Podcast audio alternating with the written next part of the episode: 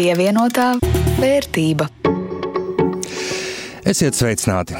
Ētrā raidījums par ekonomiku, pievienotā vērtība un ar to studijā Jānis Ramāns no Latvijas radio. Un Rudīts Pakausks no Latvijas televīzijas. Šodien raidījumā par tirgiem un arī par krāšanu apaļojot. Bet turpinājumā par aktuālo ekonomikā. Pievienotā vērtība. Mūs sagaida kārtējās nodokļu izmaiņas. Valdība aizdītajā nedēļā apstiprināja Finanšu ministrijas piedāvājumu, kura cēlais mērķis ir veicināt iedzīvotāju sociālo aizsardzību, kā arī gūt naudu mediķu un skolotāju algu palielināšanai. Viena no izmaiņām, kas rada satraukumu, ir vēlme ieviest minimālo sociālo iemaksu 170 eiro apmērā, kas varētu nozīmēt, ka, ja jūsu ienākumi ir vien 170 eiro dažādos haltūra darbos, tie visi arī būs jāsamaksā nodokļos, bet ja zem, tad pat varētu sanākt piemaksāt. Īstas skaidrības, kā šī sistēma darbosies, vēl nav. Valdībai šoreiz sanākuši tāds pretruns. Tika solīts, ka nodokļu izmaiņas būs laikus izdiskutētas un ar mērķi padarīt nodokļus vieglāk administrējams, no tostarp arī cilvēkiem vieglāk saprotams. Un vēl tika solīts, ka ir jābeidz praksa raustīt nodokļus pa labi, pa kreisi vai gadu. Tagad Covid-19 dēļ, nu jau bija cits prioritātes, nodokļu pārmaiņas nav nelīdz galam izdomātas. Liela daļa izmaiņu tiek atliktas, lai meklētu labākus risinājumus, nu, kā piemēram ar vēlmu likvidēt autoratlīdzības un speciālos nodokļu režīmus. Un tā vietā, lai katru gadu nodokļus nemainītu, valdība paziņo, nodokļi tiks mainīti vismaz trīs gadus pēc kārtas. Zinām arī valsts budžeta izpildes rādītāji šogad. Gada pirmajos mēnešos ienākumi bijuši 6664 miljoni, bet valsts iztērējusi par 6,2 miljoniem eiro mazāk. Labi, ka ir neliels pārpalikums, bet jānorāda, ka pērn gada pirmajos septiņos mēnešos pārpalikums bija stipri lielāks - teju 600 miljonu eiro. Strauji ir sarukuši nodokļu ieņēmumi un arī pieauguši izdevumi sociālajos pabalstos. Un par spīti ekonomikas straujiem kritumam pandēmijas laikā jūlijā nodokļu ieņēmumi bijuši nedaudz, bet tomēr par 1,3% lielāki nekā pērn vasaras vidū. Un kopš marta jūlijas bijis pirmais mēnesis ar pluszīmi. Un šī tendence turpināsies arī augustā. Pamatbudžetā iekasēts par 8% vairāk nodokļu nekā iepriekšējā gada augustā.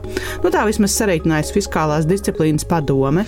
Par labām lietām un skaitļiem paturpinot, darba algas turpina augt, lai gan nostrādāto stundu skaits sarūk, kas ir visai laba kombinācija, ņemot vērā Covid-19 krīzes radītos sarežģījumus vairākām nozarēm. Vidējā alga valstī otrajā gada ceturksnī ir kāpusi visos reģionos un sasniegusi 1118 eiro.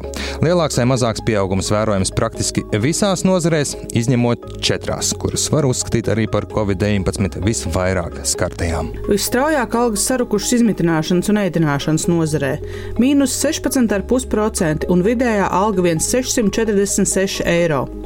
Būtiski mazāks kritums par 5% ar vidējo algu joprojām virs 1000 eiro ir transporta un uzglabāšanas nozarē nodarbinātajiem.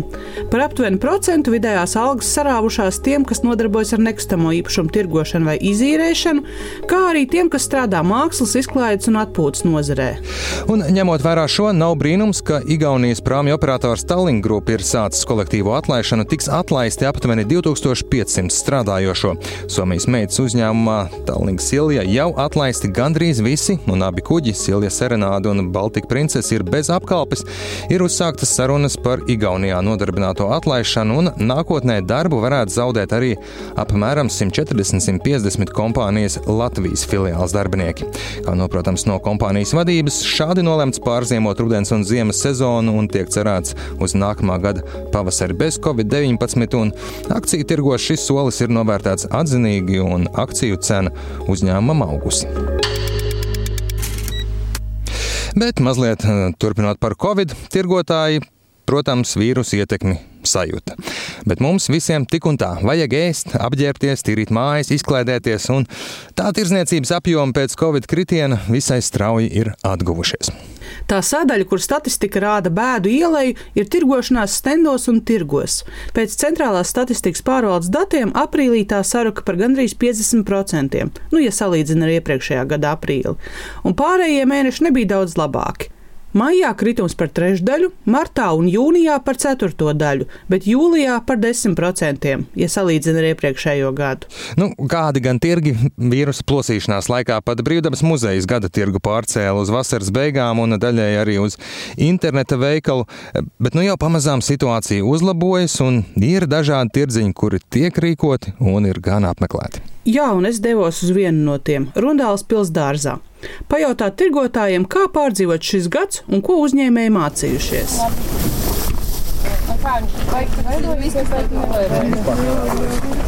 Ir viena no tām septembra dienām, kad lāga nepateiks, ka vasara jau praktiski beigusies. Silts, saulains un rundāls pils dārzā zied vēlīnākās rozes. Bet šoreiz uz pildu cilvēkus vilina ne tikai dārzs, bet arī dārza lietu tirgus. Viens no pēdējiem šo sezonu. Un tā ir iespēja satikt tirgotājus un apjautāties, kāds ir bijis šis gads tiem, kuriem izbraukuma tirzniecība ir nopietna biznesa daļa. Burvīgi. Vai es jūtu ironiju uz balsī? Nē, nopietni, burvīgi.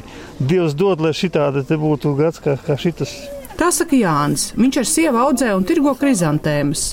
Un viņš nav vienīgais, kuram šajā Covid-19 gadā šķiet veicies pat labāk nekā pirms tam. Viens no iemesliem - tirdziņus aizstāja tirzniecība mājās vai internetā, teica Valentīna Losbera, stādaudzētāja no Siguldas. Nu, teikšu tādu, teiksim, kam bija uh, jau gatavas uh, tirzniecības vietas, tiem gāja ļoti labi, jo šogad izpalika tā izbraukuma tirzniecība. Nu, kam nebija, tie pielāgojās. Mūsu laikmetā attīstītajā ļoti daudz tirzniecības notika ar internetu starpniecību, izveidot mājaslapu, nu, līdz ar to arī plašāka reklāma, teiksim, un cilvēki arī zināja, brauc tāpat uz māju. Mums nav liela audzēto, brauc uz māju iepirkties. Tas tikai nāca pa labu, teiksim, ja? jo ja arī nākošais gads, teiksim, atjaunojās vairāk tā ceļošana, braukšana, izbraukuma tirzniecība. Es domāju, ka viss arī tas, kas šogad ir iegūts, ja? tā pieredze, teiksim, es domāju, ka tas tikai būs pa labu. Bizness mainījies arī skalu grozu darbnīcā. Amatniece Inte Bendrupa stāsta. Pārdodam, nu, reklamējam sevi internetā liekam un uh, ar omnibus sūtam tagad Covid laikā. Pa tirdziņiem pārsvarā. Kad nu, nav tā, ka bankrots klāt. Nē, tā nav noteikti. Nē. Nu, es pateiktu, ka pat labāk. Mm. Kā citi. Jo atšķirība šeit, es atnāku, man ir 100 eiro, man jāsadala uz 40, 50 pārdevējiem. Ja viņš atbrauc pie manis, tas cilvēks, visi 100 eiro paliek pie manis. Reto augu kolekcionārs Viktors Gobi piekrīt kolēģei. Audzētājiem ir izdevīgāk, ja klients atbrauc pie viņa iepirkties, nevis dodas uz tirdziņu. Arī uz tādu audzēto lēpes braukuši klienti, saka Irina Strautiņa. Tad kopumā šis gads nav tā, ka galīgi norakstāms. Nē, nē, nē, nē, nē, pat tāds var teikt labāks. Līdz šim jau cilvēki laikam sēž mājās un domā, kā iekārtot dārzu. Grūtāk gājas tiem, kuriem nav bijušas plašas iespējas atvilināt klientu pie sevis. Tā ogres rajona zemnieku saimniecībā stūrīši, kas audzē ķirbis un stādus, šogad gājis grūtāk nekā iepriekš. Tā atzīst Ingūna Knodze. Bišķi sabojā, jo mēs esam maziņi un uh, esam it kā stādaudzētājs biedri, bet ir tā, ka nu, lielajiem šogad labāk gāja, jo pie viņiem visi brauca. Mēs tomēr esam dziļos laukos nomalē, nu, bijām atvērti, bet nu, šogad mums ir trakāk, jo nebija tirgi atvērti. Tāpēc. Šogad jau vispār, man liekas, jā, pāris tirdziņi. Jā, jā, nu, tāpēc, ka pavasaris viss bija tāds, nu, cik uz mājām atbrauc viss, protams, kad, nu, es saku, lielām audzētavām tiešām ļoti labi gāja, jo nu, cilvēki pirkās tepat pie mums uz vietas un viss, ja, bet nu, tie mazie mēs tā grūtāk. Jā. Šogad ir grūtāk, nebija realizācija tik laba. Turpat netālu tulpju un krokus sīpols tirgo Rita Vāvere. Mēs esam pensionāri, mēs jau gan audzējam diezgan ilgi, kādus 40, 50 gadus, bet nu jau mēs sākam beigt, jo mēs nevaram vairāk, jo esam jau gados. Nu, šogad ir grūti.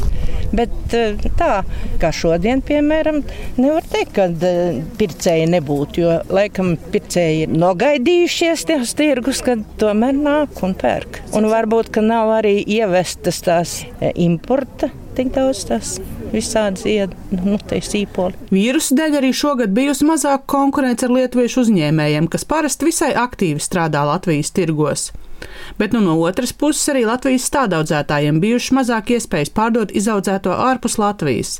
Lai gan dažiem, protams, tas ir izdevies. Bet, nu, mēs tirgojam arī Igaunijā, Somijā bijām jau Viktors Goba ar retajiem augiem šogad par spīti apgrūtinātai ceļošanai pamanījies pabūt arī tirdziņos kaimiņu valstīs. Jā, nu, protams, ka tur ir daudz labāki nu, arī ieņēmumi un arī cilvēki arī vairāk, teiksim, nu, tā pērk. Nu, es, man ir retu augstu tādu audzētāju, tā ir jāsāk.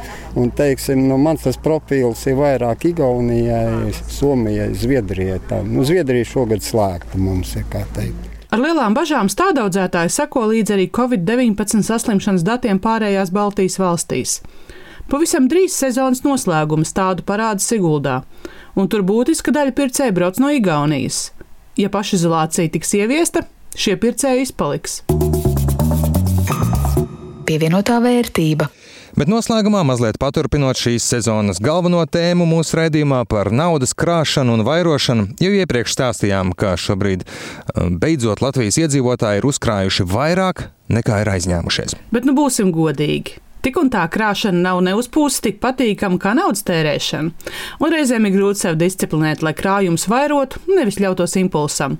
Un reizēm vienkārši sāk krāt naudu ir mazliet biedējoši, un liekas, ka nu, tur noteikti vajag lielas summas un vispār, nu, ko nu es. Bet, ja krāšana notiek nemanot tik reizi, kad iepērcies ar karti, tad labie paradumi attīstās paši par sevi. Nu, vai vismaz tāda ir to banku doma, kas piedāvā veidot uzkrājumu, noapaļojot pirkumu summas. Un loģisks jautājums ir, vai tas strādā un cilvēkiem tiešām izdodas šādā veidā iekrāt. Jā, tā saka divas bankas, kas šobrīd piedāvā šādu krāšanas veidu. SEB šo iespēju piedāvā jau no 2017. gada. Svetbanka ievies pavisam nesen, bet summas, ko uzkrāja attiecīgā pakalpojuma lietotāja, ir visai līdzīgas. Vidēji pēc mūsu datiem mēneša laikā izdodas pakrāt apmēram 20 līdz 30 eiro. Tad, attiecīgi, arī gadā šī summa veidojas vairāk nekā 200-300 eiro. Tā Elīna Nēmana no Svetbankas, un līdzīgi dati ir arī Karīnai Rokjānei, Svetbankas uzkrājuma jomas ekspertei vidēji mēnesī no ap kādiem 20, 30 eiro.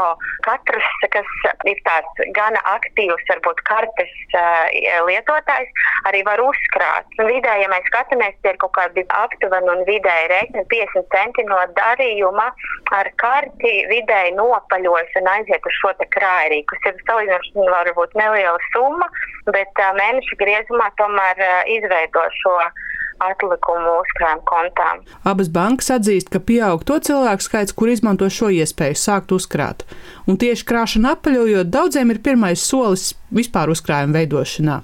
Turpina Rokjāna. Tas, ko mēs arī redzam šajos pēdējos mēnešos, kopš mums šis krājrīks ir ieviests, tad uh, ir pieaudzis pat pārdesmit tūkstošu apmēros uh, to klientu skaits, ko mēs redzam, ka viņi iepriekš nav krājuši, viņiem nav izdevies, kas nozīmē, ka viņiem mēnesi no mēneša kontu atlikumi nepieauga, nebija kaut kādas tādas regulāras aktivitātes, krāsanas aktivitātes, kaut kādi īpaši speciāli maksājumi uz citiem kontiem, piemēram. Vairāk vai mazāk mēs redzam, ka nav šī krāsanas tendence. Tad pēdējo mēnešu laikā tieši šī klientu daļa, viņi joprojām, protams, ir ļoti liela, bet viņi ir samazinājusies un tā tiešām diezgan diezgan būtiski. Arī Seibankai šogad aptuveni par 40% pieaudzis krājēju skaits. Neiman teica, ka cilvēkiem palīdzot arī iespēja pievienot attēlu un norādīt, kam tiek krāts, lai paši neaizmirstu. Un tur līdzās visai klasiskām izvēlēm ir arī neparastāki krāšanas mērķi. Visbiežāk arī cilvēki izvēlās krāt ar ceļojumiem, daudz veido uzkrājumus bērnu nākotnē, mājokļa remontam, jaunām automašīnām, un tad arī, protams, netrūkst dažādi interesanti piemēri, ka krāja jauniem tetovējumiem, dažādām skaistumkopšanas procedūrām. Bet galvenais šī nopaļošanas krāšanas mērķis visam banku skatījumā ir likt cilvēkiem noticēt. Jā, viņi var zināmu summu ik mēnesi pārlikt uzkrājumā. Un tad iespējams nākotnē cilvēks izvēlēsies jau apzinātāku un agresīvāku krāšanas veidu. Tā doma ir tāda, jā, ka tas krājrīks noteikti palīdz noteikt, ka īstenībā ar šo nopļošanas funkciju ir iespējams uzkrāt, un tas mums droši vien arī ļauj ar to uz uzkrājumu skatīties mazliet tā savādāk. Un tad jau ir uh, jāradina sev pie domas, ka ir jāpamēģina kaut kāda šī apzinātā rīcība veidot, un arī pie tā mēs pierodam, un arī tas vienā brīdī kļūst nemanāmi. Ar to arī skan šodienas raidījums. To veidoja Jānis Ramāns no Latvijas radio un Rudīts Pakausks no Latvijas televīzijas. Par skaņu rūpējās Renārs Šteimans. Un piebildīšu, ka šos un visus iepriekšējos raidījumus varat atrast arī Google un Apple podkastos un, protams, arī Latvijas radio mājaslapā. Uz tikšanos pēc nedēļas! Uz tikšanos!